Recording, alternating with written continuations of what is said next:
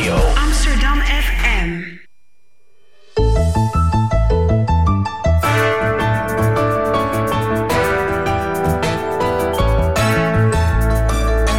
Wetenschap op Amsterdam FM.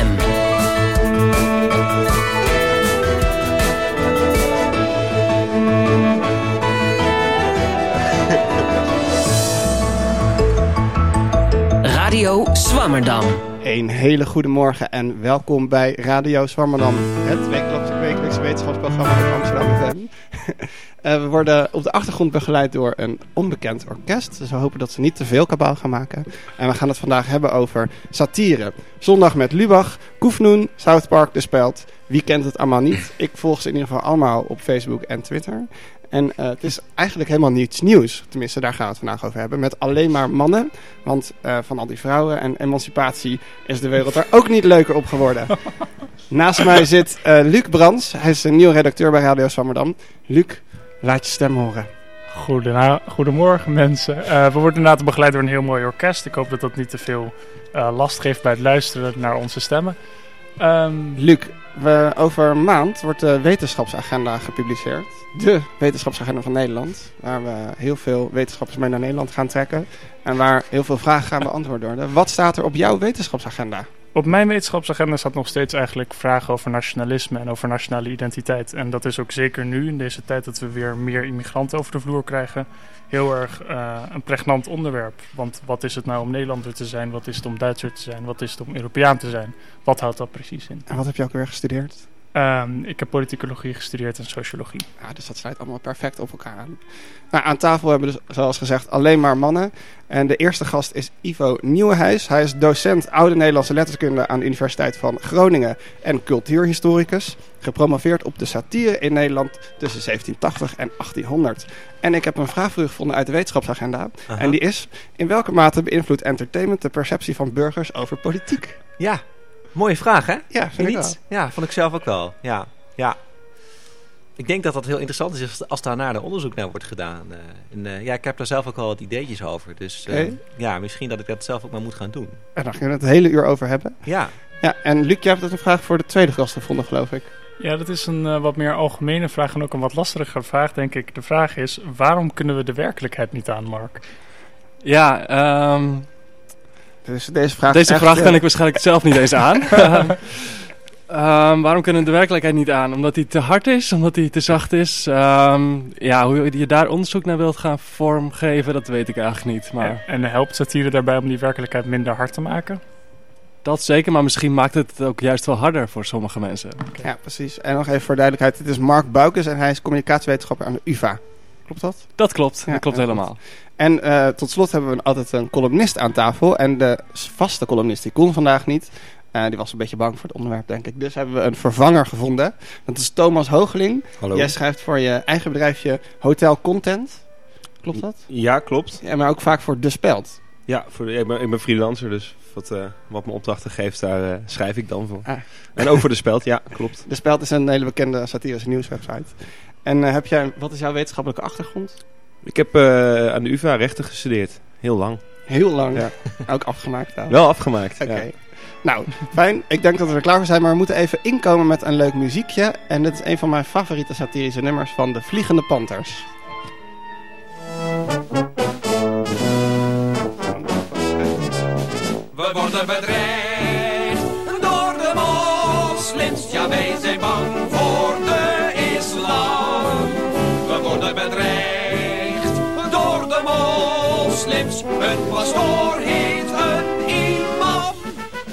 De mannen dragen witte jurken, dat is daar heel gewoon. De jongen zwarte leren jasjes en een mobiele telefoon.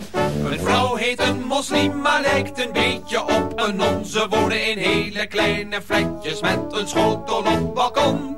Ze doen aan hongerstaking en dat heet dan Ramadan. En ze hebben weinig hobby's en een vrouw is minder dan een man.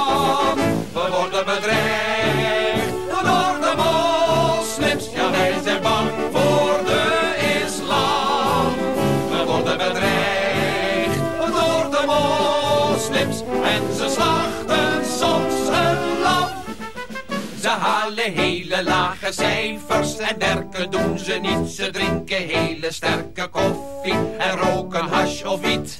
Ze hebben maar drie namen, Ahmed, Ali, Mohammed. Hun vrouwen zien we bijna nooit, die zitten binnen in hun flat. Ze hebben ook hun eigen taaltje, niet gespeend van hysterie. Het klinkt voor ons nogal bozaardig en zonder een greintje ironie.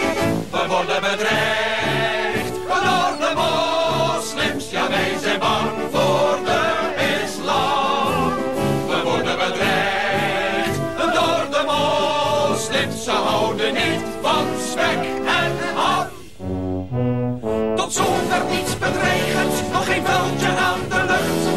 Zijn we dan zo bang voor? Waarom zijn ze zo berucht? Niet omdat ze slecht zijn, van kwade wil of onbeschoft. Maar soms zit er eentje tussen, die opeens spontaan ontploft. Maar nooit als ze alleen zijn. Altijd op de markt of in de trein. En dat maakt ze zo gevaarlijk. Daarom nog één keer dit refrein. We worden bedreigd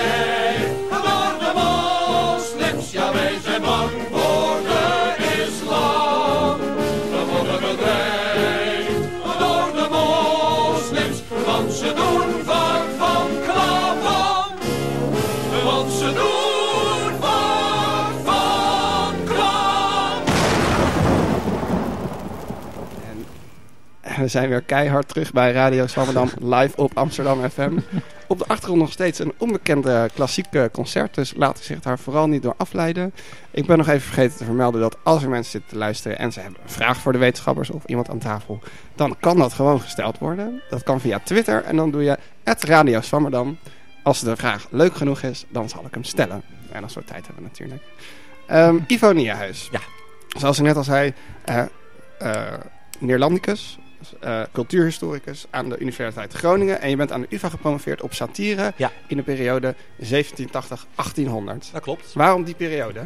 Eh, omdat het een hele eh, spannende periode is, überhaupt in de Nederlandse geschiedenis. Een onterecht vergeten periode, maar zeker ook een, een, een bijzondere periode voor de satire. En die twee dingen hangen volgens mij ook heel erg samen, omdat satire altijd heel erg reageert op als er reuring is, dan wordt daar satire over gemaakt. Dus als er veel aan de hand is, dan zie je ook dat daar satire over wordt gemaakt. Eh, in die tijd hadden we uh, patriottenrevolutie en daarna eh Bataafse revolutie. Eh, eigenlijk allerlei ontwikkelingen naar, naar meer democratie, Mhm. eh, staatshervormingen, eh, maar ook conflicten tussen nou ja, aanhangers van de stadhouder en eh, de patriotten die, daar, die dus tegen de stadhouder waren. En eh, nou ja, daar werd dus ook satire over gemaakt en door die mensen zelf satire bedreven. Ja, en dat werd toen niet op internet gepubliceerd, neem ik aan. Nee, nee. want dat moest toch uitgevonden worden. Oké, wat, wat hadden ze toen wel al uitgevonden om het op te publiceren? Nou ja, eh, de, de boekdrukkunst bestond al een tijdje. Mhm. Eh, pamfletten bestonden ook al een tijdje. Die werden gebruikt. Maar ook tijdschriften. En tijdschriften bestonden ook al wel een tijdje. Maar de, die tijd wordt wel gezien als de eerste tijd, waar, periode waarin ook het politieke tijdschrift, het politieke opinieblad, zal ik maar zeggen, eh, een beetje werd uitgevonden. Eh, waarin dus op regelmatige, vaak wekelijkse basis, eh, ja, weer een aflevering verscheen met politiek commentaar. En soms was dat dan ook satirisch. Mhm. En nog vroeger, daarvoor, dus voor de tijd, voor de pers, als het ware, had je iets wat je magische lantaarns noemt. Ja, nou ja, die bestonden ongeveer tegelijkertijd. Dat, dat is een soort voorloper van de, van de filmprojector eigenlijk. Een Ehm, soort overhead projector. ja, een, een- soort apparaat met een lampje erin, een kaarsje of een, een, een olielampje waarmee je dan een beeld kon projecteren op, de, op, een, op een muur of op een laken. En die, dat kon je zien op de kermis. Mhm. Ehm, en nou weten we niet eigenlijk of daar nou heel veel satirische voorstellingen tussen zaten. Maar wat we wel weten is dat er heel veel eh, makers van tijdschriften en pamfletten waren... die op een gegeven moment dachten van... hé, hey, dat is grappig. Ja, dan, dan heb je zo'n eh zo'n toverlantaarnvoorstelling. En die kan ik dan gaan nabootsen in mijn tijdschriftje. En dan doe ik alsof ik een toverlantaarnvertoner ben. En dan doe ik alsof ik eh, plaatjes laat zien. En dan die plaatjes die zijn dan satirisch bedoeld. En daarin worden bepaalde mensen belachelijk gemaakt. Of bepaalde situaties belachelijk gemaakt. Oh, dus het veranderde eigenlijk van zo'n lantaarn, reageerde het in een nieuw medium op, ja, op de vorm waarin het verscheen, als het ware. Ja, dus het is een, er zit een soort eh, parodie in, als het ware. Een soort vormparodie. En tegelijkertijd satire op iets inhoudelijks. inhoudelijks. En de inhoud ging precies over. Dus had de patriotten tegen de orangisten, geloof ik. Ja, daarin is, zijn, daar kennen we die toverlantaarns wel heel duidelijk van. Dat dan de, eh, de Eigenlijk waren het eerst orangisten die voor het eerst met zo'n toverlantaarn tijdschrift kwamen. Waarin dan allerlei patriotten eh, over de hekel werden gehaald. Eh, en dat ging echt, eh, er ging er niet zachtzinnig aan toe. Dat was Mhm. hele botte, grove satire. Geen stijl is er niks bij, zeg ik altijd maar. Ehm, dat vinden ze zelf niet leuk om te horen, maar toch is het echt zo. Want dat, nou ja, dat was gewoon van, nou ja, die, die, die en die patriot, die, nou ja, die is eh, een armoedzaaier en die eh, is eh, een dronkenlap en gaat naar de hoeren en dan loopt hij een geslachtsziekte op en dan moet hij naar de dokter en dan krijgt hij een of ander medicijn waar hij ongelooflijk van gaat kwijlen en oh, ha, ha, ha, ha, oh dan ligt hij daar een beetje te, te kwijlen en te creperen. Uh-huh. Dat soort humor, zeg Ja. maar. En dat kwam niet van één kant, neem ik aan. Dus het was wel echt... Dat, Dat was over en weer wel, ja. Mhm. Ja, de, de orangisten begonnen met dat soort blaadjes. Maar toen dachten de patriotten, nou, dan kunnen wij niet achterblijven. En toen dachten we, nou, dat kunnen wij ook wel. En kan je dan spreken van de eerste mediaoorlog? Ja, dat wordt wel gezegd voor die tijd, ja. Omdat het er ook zo hard aan toe ging. En dat er ook voor, voor het eerst bepaalde media-slachtoffers vielen. Dus dat er ook iemand was in Utrechtse notabelen, meneer Van Goens... Die dan ook nogal eh, onder, onder druk stond op een gegeven moment. En die kreeg, eh, nou die werd toch ook heel erg in de pers, werd hij wel zwart gemaakt. En dan kreeg hij op een gegeven moment, eh, was het ook niet echt veilig meer voor hem om over straat te lopen. Want dan kreeg hij ook stenen naar zijn hoofd ge- gegooid en zo. Dus die Echt? is toen die is gevlucht naar Duitsland. En de eerste mediavluchteling ook. Ja, eigenlijk wel, ja. Ja. ja. Oké, en ehm, het was dus eigenlijk heel belangrijk voor de publieke opinie, als het ware. Ja, nou ja, als je ziet dat dat soort bladen dus ook effect kunnen hebben op eh, de beeldvorming, op de reputatie van mensen, zoals Mhm. we dat vandaag de dag ook nog wel zien, dat bepaalde politici echt als gevolg van een campagne via bijvoorbeeld Geen Stijl, eh, nou ja, echt beschadigd raken. Mhm. Dat gebeurde toen ook. En in die zin zie je dan echt wel eh, effect op de publieke opinie aan. En dat is ook belangrijk, zeg je, voor het verschil, of de verhouding tussen burger en de politiek. Ja, nou ja, dat, dat is denk ik meer in brede zin iets wat in die tijd heel erg opkomt, is eigenlijk de publieke opinie zoals we hem nu ook kennen. Dat zeg Mhm. maar de journalistiek ook echt wordt gezien als een soort, nou ja, eh, belangrijk medium voor een goed functionerende democratie. Ehm, waarin, nou ja, eh, die opinie mede gevormd wordt via de journalistiek. En dan kun je dus ook zeggen, nou ja, als die journalistiek deels ook satirisch is, dan gaat die satire dus ook een rol spelen in de vorming Mhm. van, nou ja, eh, van die publieke opinie. Aha. En eh, dat noem je dan infotainment, klopt dat? Is dat een goede Nou ja, ik vind dat wel een soort infotainment avant la lettre, moet je dan misschien zeggen. Want dat is natuurlijk heel erg een term van nu. Maar ehm, omdat het ook echt heel erg de combinatie is van het gaat over nieuws, eh, het gaat over opinie. eh, en het wordt heel erg gecombineerd met amusement. Dat had je toen ook al. En dat zien we vandaag de dag ook op een site als de Speld, of Lucky TV of dat soort dingen. Dus eigenlijk van, eh, van de kermis naar Lucky TV Eigenlijk wel, ja. is het helemaal verplaatst. Ja, En is dat heel veel veranderd in de, in de loop van de jaren? Of zijn er Eh, bepaalde vaste elementen? Nou ja, sommige dingen zijn heel constant. Ehm, wat er verandert is denk ik sowieso de, de inhoud in de zin van de thema's. En ook, nou ja, misschien wel wat grenzen die verlegd worden in wat soort, soort onderwerpen worden aangesneden. Maar eh, bepaalde technieken en bepaalde vormen die komen heel sterk terug. Ehm, ik vind dus in die toverlantaarns uit de jaren eh, van de patriotten, eh, dat noem ik blamerende satire. Omdat het Mhm. heel erg bedoeld is om mensen zwart te maken, om mensen neer te halen. Ehm, en dat herken ik dan weer terug in ehm, zoiets als Geen Stijl vandaag de dag. Dat het toch wel heel erg gaat ook om echt, nou ja, mensen te kakken zetten. Mhm. Eh, en daarnaast zie ik dan andere soorten satire die ik wat meer ja, eh, analytisch noem. Eh, die had je ook al in die tijd. Die wat meer een soort van commentaar wil leveren op wat gebeurt er nou eigenlijk in de samenleving. En daar een soort eh, ironische laag aan geeft. Nou, en dat zie ik denk ik heel erg in zo'n liedje als Van de Vliegende Panthers van Mhm. Net. Of in wat Lucky TV vaak doet. Of wat de Speld vaak doet in hun artikelen. Eh, en dat is ook een vorm van satire. Eh, ja, de vorm van eh, een soort van maatschappijanalyse leveren. Ja. En dat is volgens mij heel constant. En die analyse van de maatschappij, of dat heb je ook proberen te doen in je onderzoek. Dus, dus Ja. je kijkt hoe de teksten, en dat zijn dan in dit geval cartoons of satirische plaatjes, of Ja, maar teksten, het zijn zowel teksten als, als cartoons. hoe ja. die functioneren in de maatschappij. Ja. En dat, maar dan wel in een geschiedenis. Ik neem aan dat je niet aan die mensen daar kon vragen, wat vond je nou eigenlijk Nee, nee, dat is dan het nadeel dat ik heb als ehm, ja, meer historisch georiënteerde eh, onderzoeker. Dat ik geen experimenten kan gaan uitvoeren met die mensen om te kijken hoe zij reageren op een satire. Eh, dus ik moet het dan wat meer hebben van eh, ja, secundair bewijs, zal ik maar zeggen. Dus nou ja, wat werd er geproduceerd en wat staat er in die teksten zelf? En kunnen we daar iets uit afleiden over hun doelgroep? Kunnen we iets afleiden over mensen die misschien hebben opgeschreven dat ze toevallig zo'n tekst gelezen hebben? Ehm, kunnen we zien dat een bepaalde tekst herdrukt is en dus populair was. En op basis daarvan kun je dan iets zeggen over effect. Ja, en hoe ga je dan precies te werk? Ga je dan een archief in of moet je... Ja, eh, deels eh, ga je daar voor het archief in. Eh, deels kun je je ook baseren op bepaalde nou ja, al bestaande onderzoeken die daar al iets over zeggen. Die je dan weer kunt betrekken op jouw onderwerp. Eh, deels kun je dus ook naar de teksten al zelf kijken en wat je daarin vindt. Combinatie van dingen. En dan bouw je dat op.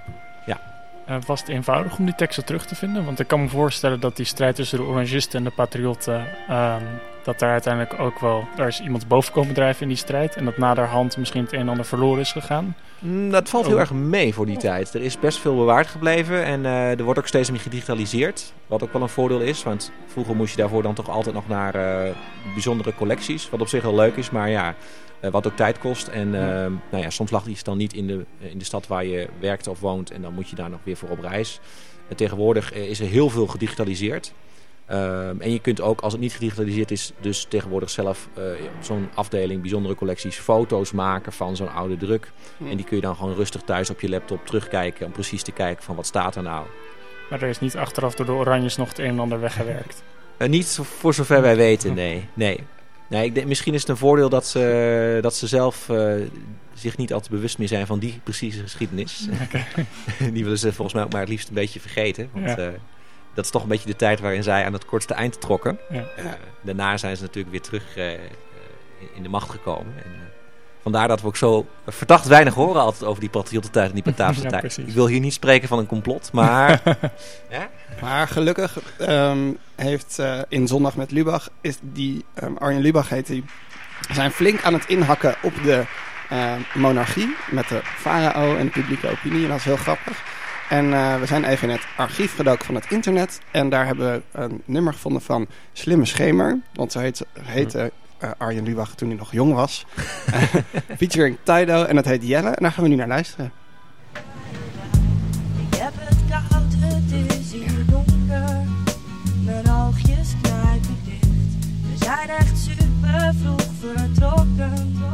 Nog voor het ochtendlicht. Waar gaan we heen? Ik wil het weten, maar ik zie niks en hou me klein.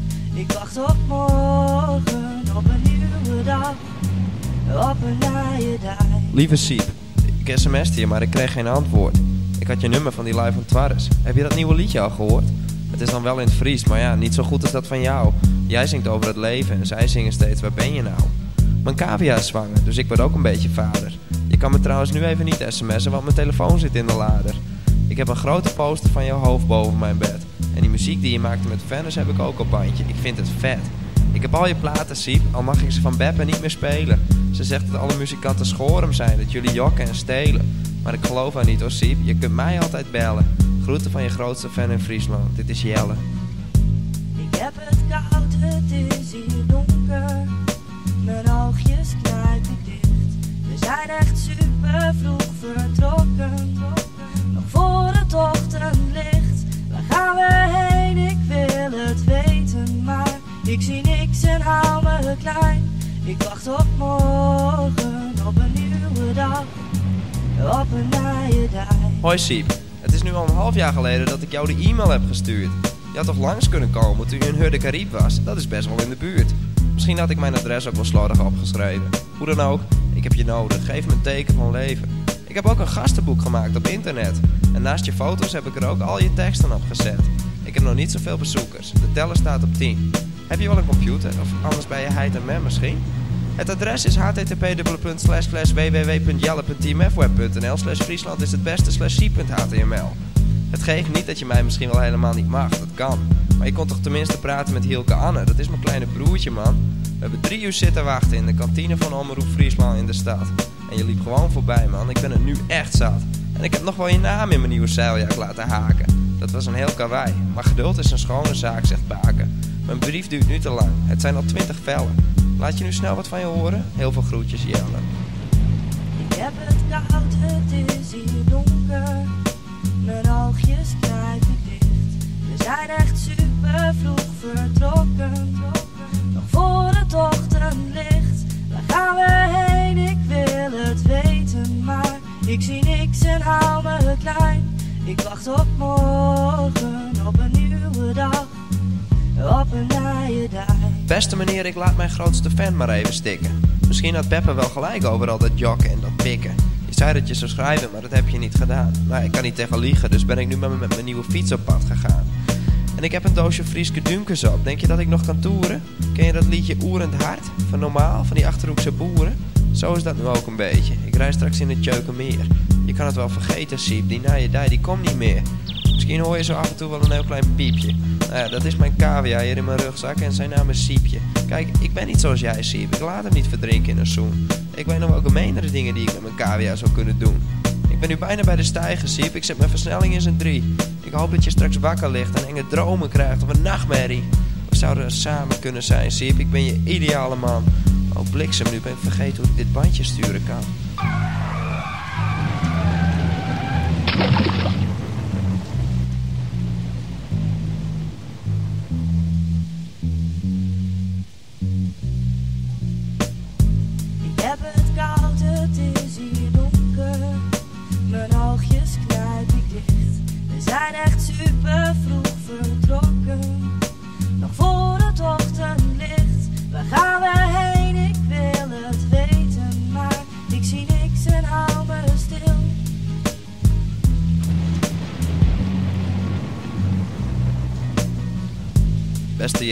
Sorry dat ik niet gebeld heb, want ik had het nogal druk.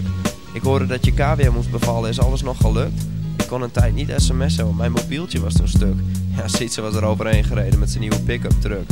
Misschien moet je Beppe wel wat hulp gaan zoeken, ze lijkt me wat getikt. Ik heb helemaal leven lang nog nooit gejokt of iets gepikt. Maar slaat het op dat ik je niet zou willen hebben als mijn fan? Oké, ik ben dan niet verliefd op jou, maar dat komt omdat ik je niet ken. En naar jouw gedachten kan ik natuurlijk enkel gissen. We zouden best en samen op het Tjeukenmeer naar Paling kunnen vissen. Ook al hoor ik op de radio dat daar iets vreselijks is gebeurd. Een jongen die is met cavia en al van een steiger afgepleurd. Nou ja, en zijn beppe die kwam hem redden en hij had alleen een griepje. Maar ja, in zijn rugzak zat een bandje. En die cavia, genaamd Siepje. Die jongen die heeft het wel gered. De cavia kwam niet meer bij. Wacht, nu ik erover nadenk, die jongen, dat was jij. Delen.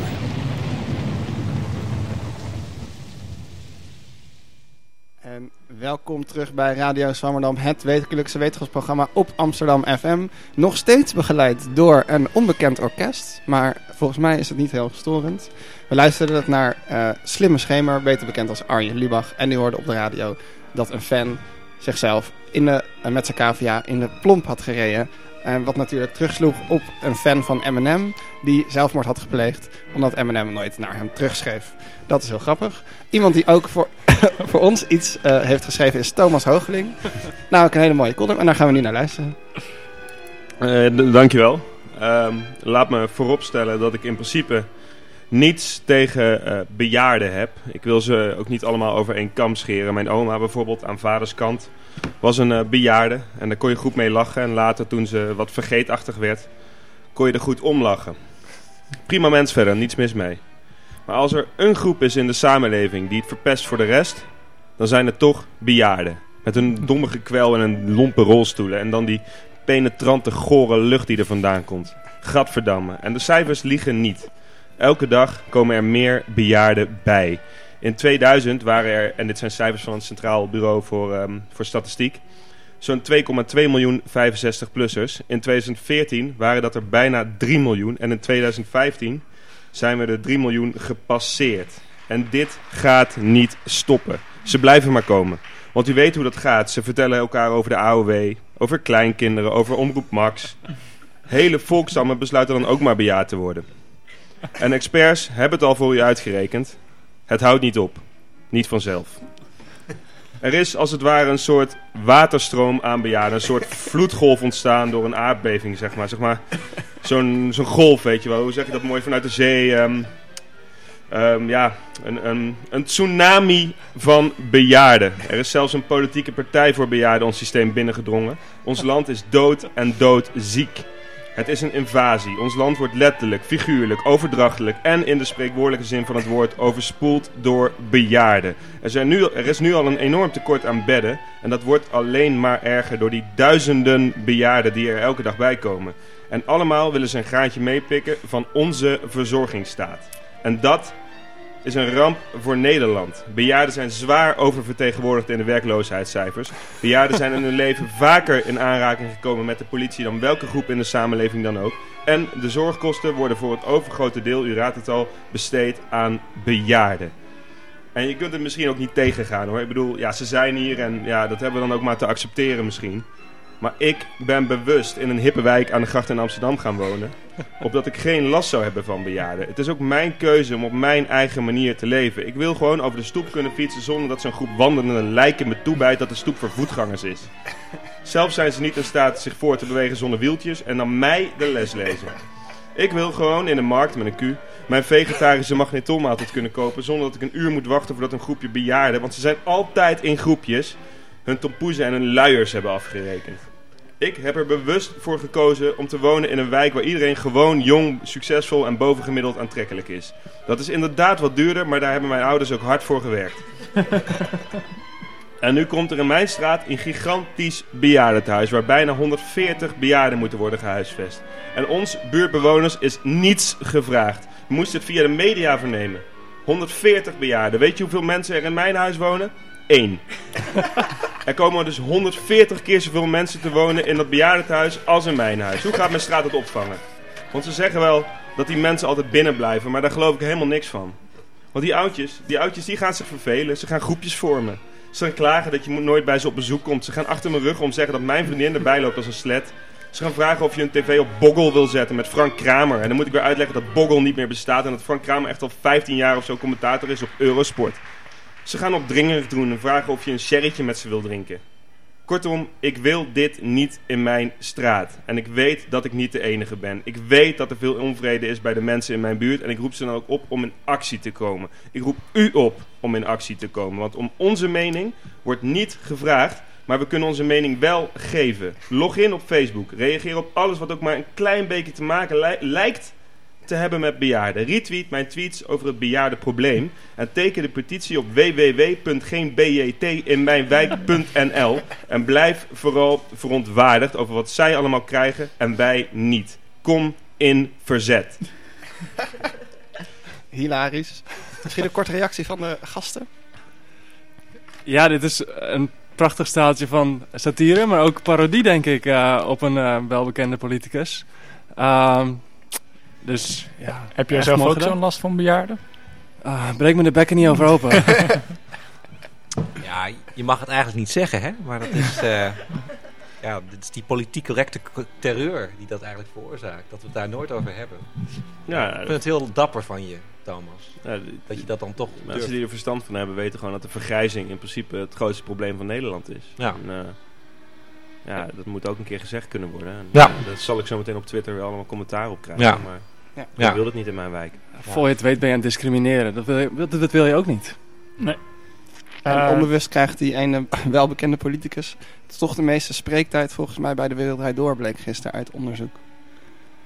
Is dat zo? Vanwege al zijn commentaar. Hmm, Ja, ja, ja. ja. Maar goed, dat is niet satirisch. Nee. Over satire gesproken. Ja, we hebben hier natuurlijk hartelijk om zitten lachen. Ehm, maar we hebben hier een, een eh, onderzoeker bij ons, Mark Boukes, communicatiewetenschapper. En hij heeft onderzoek gedaan naar de effecten van satire op kijkers en luisteraars. Dus niet alleen dat we direct lachen, maar ook hoe het onze eh attitudes naar wat er belachelijk wordt gemaakt of wat er geparodieerd wordt eh, beïnvloedt. Ehm, kan je iets vertellen over het onderzoek dat jij hebt gedaan voor je promotie dat hiermee samenhing? Ehm, ik heb dus een experiment gedaan. Want mijn onderzoek speelt zich wel in de, op dit moment af. Dus de mensen die naar kijken, die leven nog steeds. En ik kan ze een experiment voorleggen. Ehm, wat ik heb gedaan is eigenlijk mensen een satire laten zien. Een satire van Lucky TV. Mhm. En vervolgens heb ik gekeken van hoe ze daar nou op reageren. Dus eh, veranderen ze van mening, maar ook vinden ze het leuk of niet. Dus moeten ze, vinden ze het grappig of niet. Ehm, hoe bewust kijken ze ernaar? Dus eh, besteden ze veel aandacht aan het kijken? Of laten ze, kijken ze misschien bewuster naar het NOS-journaal? Um, naar die proces heb ik gekeken. En dan um, ook heb ik gekeken of er nou verschil in zit tussen mensen die links-rechts zijn, uh, mensen die jonger of ouder zijn, en of ze dan wel of niet voorkennis hebben van satire. Oké, en Lucky TV heeft daar een apart fragment voor jou voor gemaakt, begreep ik? Klopt, ja. Um, met experimenten is altijd zo dat je je stimuli-materiaal, zo noem je dat, zo vergelijkbaar mogelijk wilt hebben. En Lucky TV is natuurlijk mooi om te vergelijken met NOS Journaal, omdat het vaak gebaseerd is op het NOS Journaal. Um, maar om aan dat stimulusmateriaal te komen, heb je dus eigenlijk iemand nodig die dat voor je maakt. Om goed stimulusmateriaal te hebben. En toen dacht ik, nou ja, ik probeer gewoon uh, Sander van der Pavert van Lucky TV. Misschien dat hij het voor me wil doen. Dus ik heb hem een e-mailtje geschreven. En ik dacht, nou ja, die gaat vast nooit reageren. Maar gelukkig deed hij dat wel. Ja, en hij heeft daar een fragment van gemaakt. Uh, daar gaan we dan ook nu even naar luisteren hoe dat dan precies klonk. Dan weten we waar we het over hebben. Kabelbedrijven moeten meer betalen voor het doorgeven van Nederland 1, 2 en 3. Dat wil de Tweede Kamer. Op die manier kan de nieuwe bezuiniging op de publieke omroep gedeeltelijk worden goedgemaakt. En dat kan onder meer door het uitzenden van meer gewelddadige series op tv, denkt staatssecretaris Dekker. Jongens, pak die kansen nou. Dus veel meer geweld. Nou ja, dat gaat het om. Gaat het om misschien een minuutje of twee minuutjes meer per, per uur? Het kan niet gewelddadig genoeg, denkt Dekker. Hij roept de omroepen op om ook op de vroege avond al veel geweld te laten zien. Op die manier kan de publieke omroep andere programma's redden. Dat het ene geweld het andere niet is, is voor Dekker een duidelijke zaak. Wat vond u van de remake van Robocop? Nou ja, ik, ik, ik constateer dat er meer uit te halen was geweest. Um, en dat is natuurlijk jammer, want dat is iets wat ze hebben laten liggen. Gelukkig voor de staatssecretaris is er genoeg te kiezen. Welke films of series worden uitgezonden, laat hij over aan de omroepen zelf. Nou, uh, jij hebt dit voorgelegd aan, uh, aan een aantal mensen uh, in jouw experiment. En je hebt daarbij ook gekeken naar wat andere factoren zoals voorkennis van het onderwerp en leeftijd. Hoe die van invloed waren op hoe mensen deze boodschap begrepen. kan je er me iets over vertellen wat je had verwacht? Dat, hoe deze effecten zouden uitspelen en wat uiteindelijk is gebleken? Um, wat ik had verwacht was dat mensen die het met de boodschap eens zijn, dus eigenlijk, eigenlijk gaat het hele bericht erover van uh, het moet bezuinigd worden op de publieke omroep. Althans, uh, staatssecretaris Dekker vindt dat. Maar uh, volgens Lucky TV is dat eigenlijk een slecht idee, een belachelijk idee. Dus dat kunnen we belachelijk maken, dat kunnen we satirisch maken. Um, dus mijn idee, originele idee was, nou, mensen die het met die boodschap eens zijn, die vinden het grappig. Uh, mensen die het ermee oneens zijn, die zullen het misschien minder grappig vinden. Want eigenlijk wordt je eigen mening te kakken gezet. Um, en in eerste instantie vond ik dat niet. Um, en daar was ik eigenlijk best wel verbaasd over. Maar toen ik daar langer over ging nadenken en dus iets meer in de literatuur nog ging zoeken. Um, en eigenlijk had ik dat van tevoren al gedaan, maar ik had er gewoon niet zo bewust meer naar gekeken. Um, bleek dat er dus voorkennis daar een hele grote rol in te, in te spelen eigenlijk. Um, we hadden dus, mm -hmm. uh, mensen hebben dit fragment gezien of niet. Of ze hebben een NOS-journaal item gezien. Um, en de helft van die mensen die heeft ook een stukje van de NOS-website uh, daarover gelezen. Voordat ze het filmpje zagen. Dus ze wisten eigenlijk al, nou waar gaat het eigenlijk over? En ze kunnen daardoor ook zelf misschien een standpunt innemen. Um, en wat toen bleek, is dat alleen zeg maar, jouw eigen politieke mening een rol gaat spelen. Dus of je het wel of niet leuk vindt, wanneer je voorkennis hebt. Um, en dat is eigenlijk best wel logisch, want zonder die voorkennis weet je niet helemaal waar het item over gaat. Want van satire we weten we heel veel dat satire is eigenlijk een boodschap die impliciet wordt gebracht. Dus niet echt expliciet, um, nou ik ben voor of tegen iets, maar mm -hmm. dat weet je eigenlijk pas wat de, wat de satiricus bedoelt wanneer je zelf die achtergrondkennis hebt. Net als dat uh, de column die we net hebben gehoord. Als je niet veel van politiek weet, als je niet veel weet over de, het uh, asieldebat, dan weet je misschien niet waar het over gaat. En dat, dan voel je misschien wel beledigd als je zelf een bejaarde bent. Dan snap je de grap niet. Ja. Um, en nu zijn bejaarden misschien even goed wel beledigd.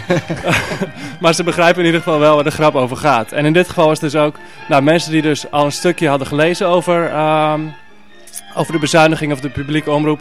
Alleen dan uh, speelde jouw eigen politieke voorkeur een rol. Of je het wel of niet grappig vindt. Oké, en uh, als je het grappig vindt, heb je dan ook, uh, ben je het dan vaak eens met de boodschap? Of neem je dan de kritiek over die in de boodschap zit? Of juist niet? Ja, dat is wel een interessante, uh, interessante vraag. En dat is ook, bijvoorbeeld reclamemakers vinden dat ook heel interessant. Van, helpt het nou als jouw reclame grappig is of niet? En dat vinden we in deze studie eigenlijk ook, net als in veel reclameonderzoek of ander onderzoek, dat als de boodschap grappig wordt gevonden, nemen mensen de boodschap eigenlijk minder serieus. Uh, waardoor hun mening uh, minder wordt beïnvloed. En ze eigenlijk meer uh, argumenten zelf gaan bedenken waarom die boodschap misschien niet klopt. Dus mensen um, worden minder tegen het bezuinigen op de publieke omroep dan de satiricus misschien wil. Um, en in uh, advertentieonderzoek zie je heel vaak dat als mensen de boodschap grappig vinden, dat ze het project juist niet gaan kopen. Want die argumenten, waarom zou je het moeten gaan kopen, worden dan niet meer serieus genomen. Dus eigenlijk moet de satiricus om zijn boodschap geaccepteerd te krijgen vooral niet grappig zijn. Ja, dus we zien ook dat er verschillende soorten van satire zijn eigenlijk. Hè? Dus je hebt eigenlijk hele lollige satire. Uh, en je hebt iets meer de hardere satire. En um, uit mijn onderzoek blijkt dat dus een beetje, maar ook ander onderzoek heeft al aangetoond dat de echte harde satire, dus waar je misschien niet zo om moet lachen, maar waar je meer aan het denken zet, um, dat die effecten op mensen hun opinies veel sterker zijn. En uh, omdat het dan gewoon wat meer erbovenop ligt wat het kritiekpunt is. Ja, inderdaad. En dus de, de lollige ondertoon verdwijnt daardoor een beetje.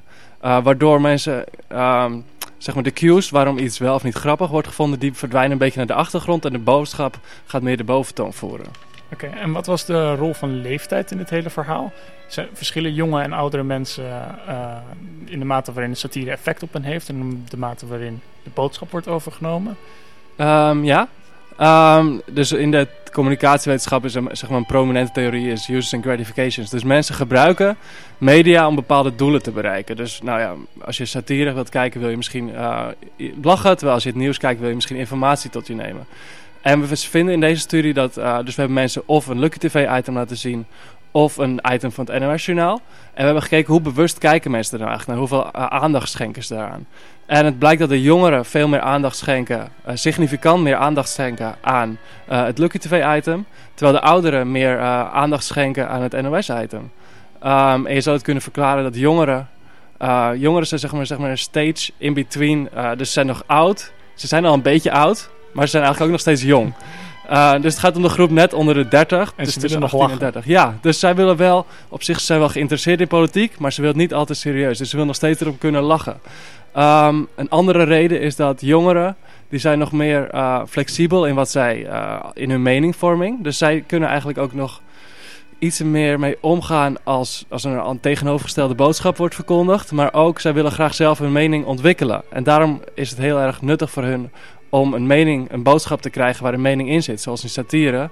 Uh, terwijl het NOS-journaal vaak objectief is. Dat vinden ze meer saai en dat kunnen ze niet echt gebruiken in hun meningsvorming.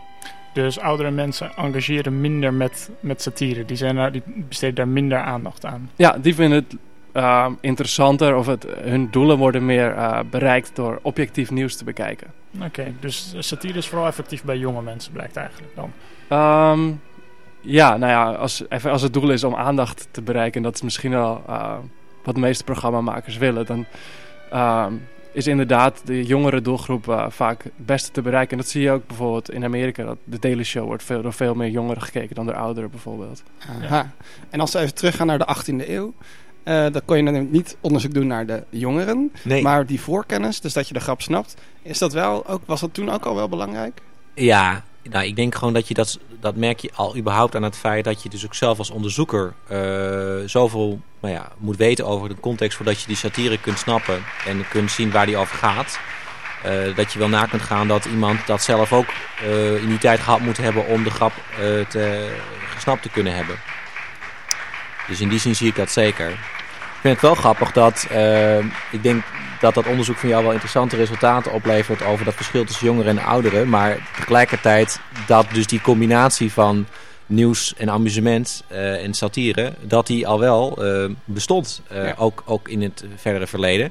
en dat het in die zin dus niet alleen maar, nou ja, dat het niet echt alleen maar iets kan zijn van de, van, de, van de jongeren van nu, zal ik maar zeggen. Hoewel het natuurlijk wel vast op een hele andere manier toen functioneerde. Uh, er is wel uh, op zich reden waarom het misschien nu sterker is dan vroeger. Want um, tegenwoordig is er zoveel mediakeuze dat jongeren eigenlijk gewoon totaal het nieuws kunnen vermijden. Terwijl toen onze ouders opgroeiden, um, was er eigenlijk alleen maar één of twee zenders. En dan keken ze eigenlijk altijd wel het nieuws. Dus ze waren veel meer al uit zichzelf geïnteresseerd in nieuws, omdat ze gewoon geen keuze hadden. Um, terwijl nu ze misschien alleen nog door middel van een grap in het nieuws bereikt kunnen worden. Omdat ze anders gewoon iets anders kiezen wat hun totaal niet aanspreekt. Dus dat is een soort aandachttrekkend effect eigenlijk van die satire. Ja, dus misschien is dat wel nodig om, uh, om de jongeren nog te kunnen bereiken met nieuws. Terwijl dat vroeger in de 18e eeuw, nou, dat was waarschijnlijk helemaal niet zoveel mediakeuze, maar zelfs een jaar of 40, 30 geleden was er veel minder keuze dan nu. En dan zouden ze veel meer geneigd zijn om uit zichzelf nieuws te gaan kijken. Nou, u merkt het al, we zijn een beetje aan het crossover tussen de 21ste en de 18e eeuw. We gaan we zo over verder praten met z'n allen. Eh, we gaan eerst nog even luisteren naar een satirisch liedje. Namelijk een liedje dat reageert op een ander heel bekend liedje. It might seem crazy wearing stripes of pride.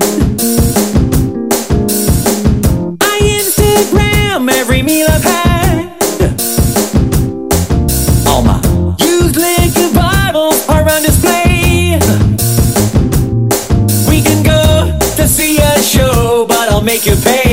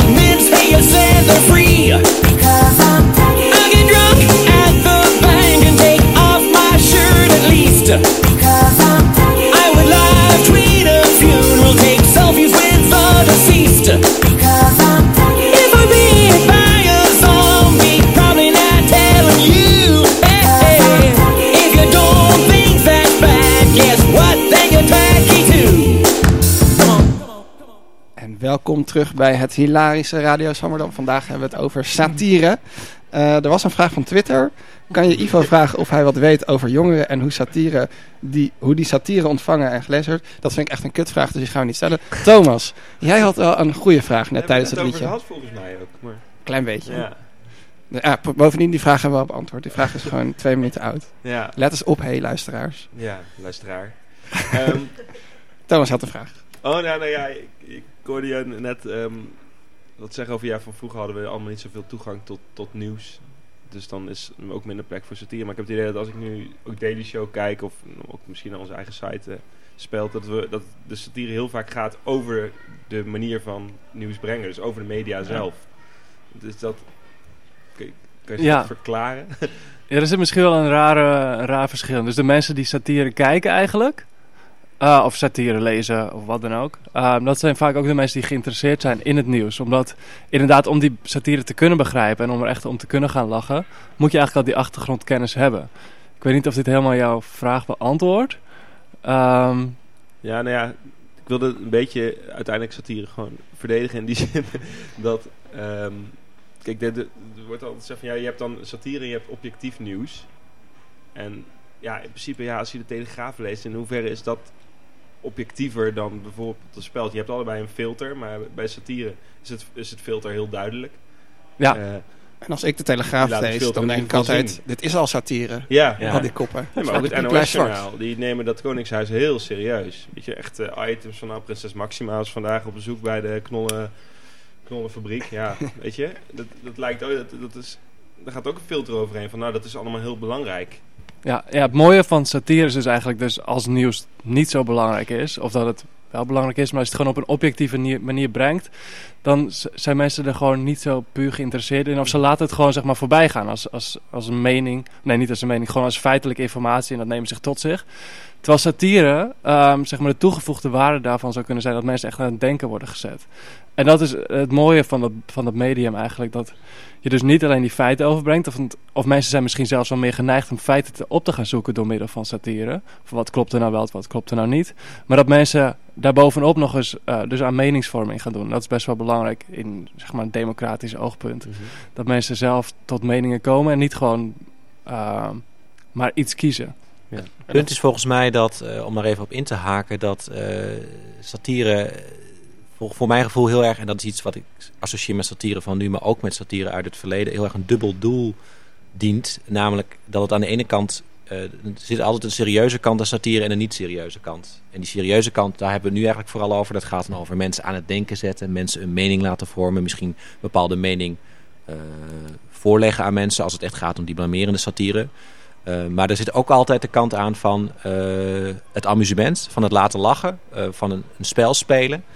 Um, en als je het satirici zelf vraagt, zeker ook de meer zeg maar de cabaretiers en zo, die zullen toch ook altijd in eerste instantie zeggen van, maar ik denk dat zelfs dat voor de speld ook in belangrijke mate geldt van, we willen ook grappen maken. We willen. Ja. Het, het, het, grappig zijn is ook een doel. En dan kan bijvoorbeeld een bepaalde grap als grap heel goed werken. Um, en dat je vervolgens denkt van ja, wat, wat, wat, wat voegt het nu toe aan kritiek of zo, dat dat dan, nou ja, dat het soms wat moeilijker te, te, te vatten is. Hoewel het er altijd wel in zit hoor, denk ik. Omdat het namelijk gaat over serieuze onderwerpen. Die op een grappige manier. Het in ieder geval heel, heel aantrekkelijk voor volgens mij nieuwe media, vooral eh, Facebook, Twitter. Omdat je, er zit van alles in. Je, kan, je deelt een grapje, dus je, wil, je bent, eh, weet je, als je iets, iets van een speld of, maar, of Daily Show of zo deelt op, op Ja. Facebook, dan is het een grapje, dus dat is licht, weet je, dus men, vinden mensen leuk. En ondertussen laat je ook een beetje weten van, kijk, ik begrijp dit. Ja. Dus dat, dat is ook fijn. En, en je moet altijd de mensen zelf het laatste stapje laten zetten, zeg maar. Ja. En ja, dat werkte ook bij satire van... Ja, doordat je eigenlijk impliciet zegt, ik begrijp dit en ik vind dit... zonder dat je het heel erg dik erbovenop doet... lijkt je ook nog een soort van intelligent. Mhm. Dus dat, is, dat, dat maakt volgens mij dat het, dat het weer enorm, dat het enorm ontploft is in social media... dat dat eigenlijk het meest gedeeld wordt. Bijna een soort cultureel kapitaal. Ja, ja je, je, je laat wel een beetje zien dat je erbij hoort. Ja. Ja, maar daar heeft het alles mee Ja. te maken. En niet alleen omdat je die voorkennis nodig hebt qua inhoud, maar ook je hebt ook zeg maar de soort van geletterdheid of mediawijsheid nodig om inderdaad ook te herkennen dat een bepaalde vorm wordt geparodieerd. Eh, dus Ja. dat er, eh, nou ja, dat bijvoorbeeld de, de vorm van het journaal wordt geparodieerd in een Lucky TV item. Ja. Of dat jullie, als je een of ander lijstje pro- produceert, dat je dan ook da- die vorm die bestaat op internet in allerlei magazines, dat je die parodieert. Ja. Ja, of uh, laatst had uh, die Onion, dat is de satirische nieuwssite van de Huffington Post of van BuzzFeed. Moet Nee. even corrigeren als ik het verkeerd heb. Nee, die Onion is zelfstandig. Oh, die hadden een uh, werkelijke nieuwsgebeurtenis van tevoren satirisch voorspeld. Weet jullie dat nog? Dat Ja, ik heb het wel gezien, ja. Kruisraketten in Israël. Maar die hadden dus al een week van tevoren hadden ze daar een satirisch stuk over geschreven. En een week later kwam dat uit. Dus dat was toen echt nieuws. En dat was, dat was toen weer super nieuws. Ja, dat dat, ja, dat- een beetje meta-nieuws, dat dat voorspeld was door de satire. Maar dat hadden ze ook zelf al aangekondigd dat, dat het ging gebeuren. Want het wordt natuurlijk heel vaak ingehaald door de werkelijkheid. Ja, dit was dus niet een inhaken, maar een soort voorhaken. Oké, ja. dat is wel mooi. Ja, dat kan, eh, Ja. kan natuurlijk altijd gebeuren. Het mooie van satire is ook dat je...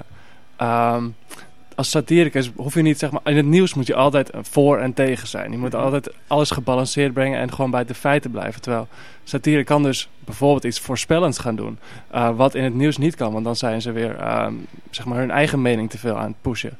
Ehm, en we zien ook bijvoorbeeld in de, de, de, oorlog in Irak... dat... ehm, dat John Stewart de eerste was die echt expliciet kritiek uitbracht. Dat het gewoon Amerika een burgeroorlog aan het veroorzaken was. Dat was misschien op dat moment nog niet de feit.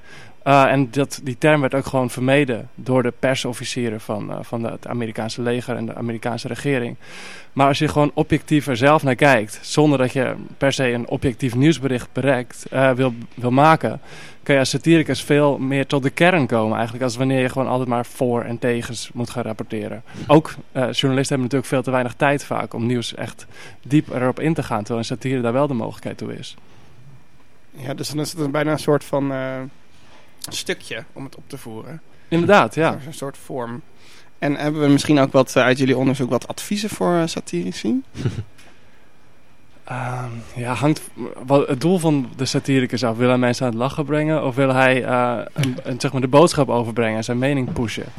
Um, dus als je jouw boodschap. Gewoon grof geld verdienen, zoveel mogelijk. Dan moet je gewoon heel grappig zijn. En, uh, en dan bereik je waarschijnlijk ook het, grootst, het grootste publiek. Want uh, wat het grappigst wordt gevonden zijn de boodschappen die uh, misschien niet de grofste, zeg maar de grofste grap zijn of de meest doordachte grap zijn.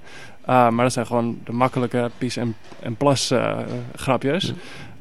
maar de meeste satirici zijn te maatschappelijk betrokken om die grappen misschien te maken om daarmee geld te, te verdienen.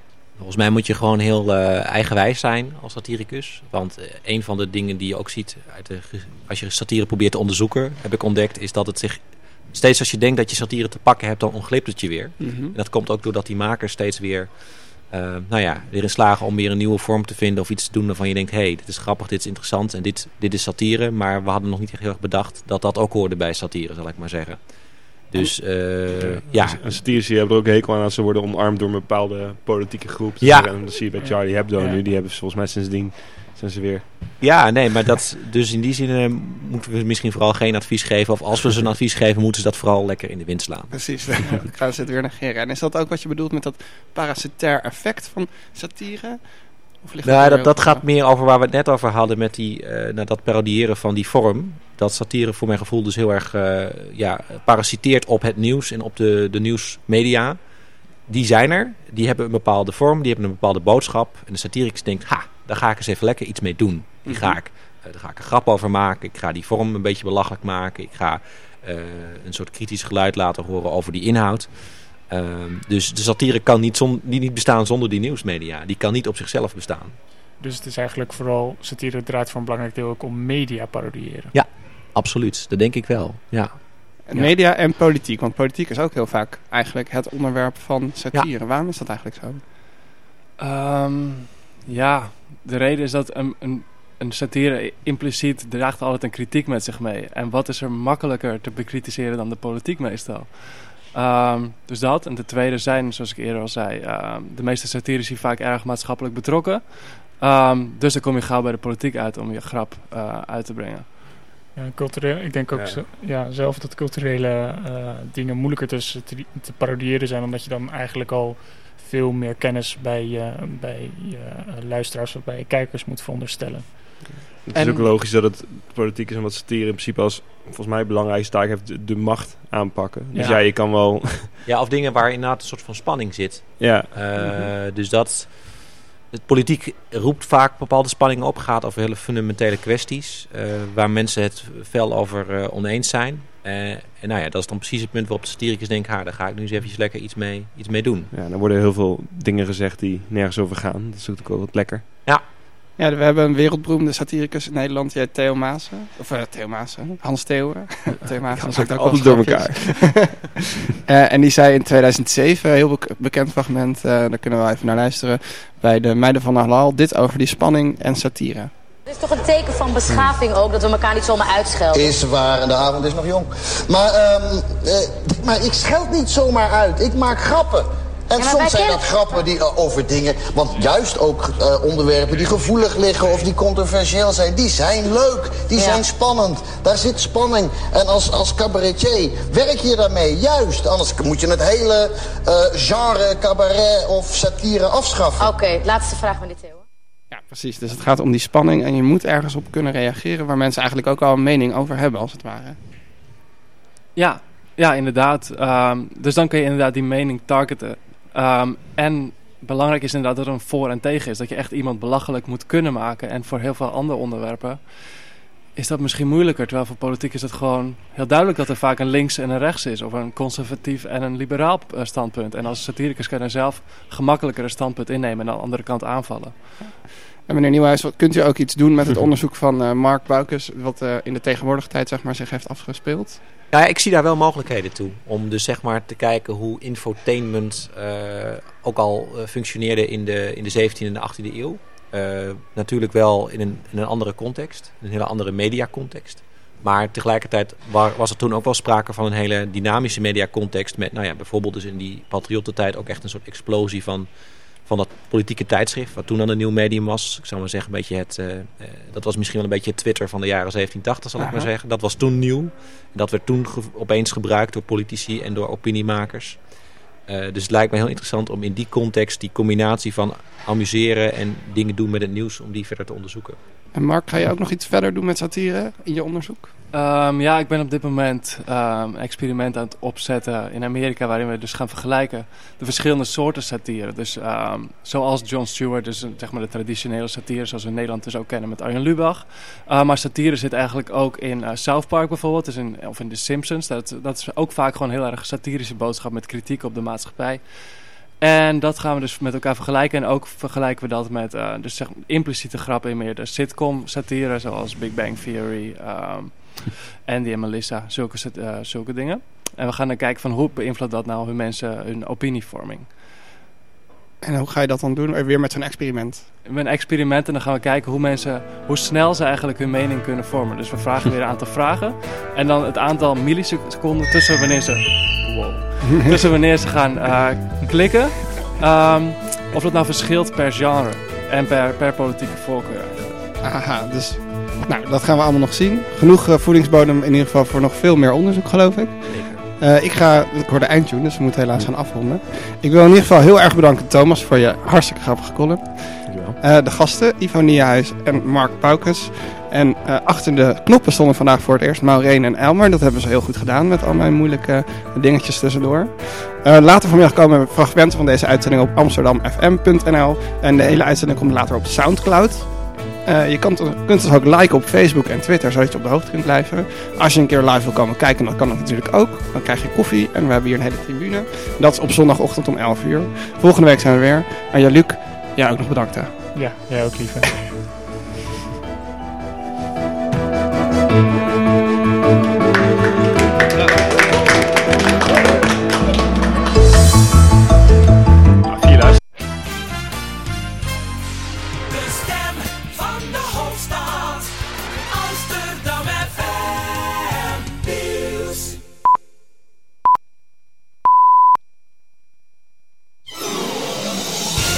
12 uur. Vanuit de centrale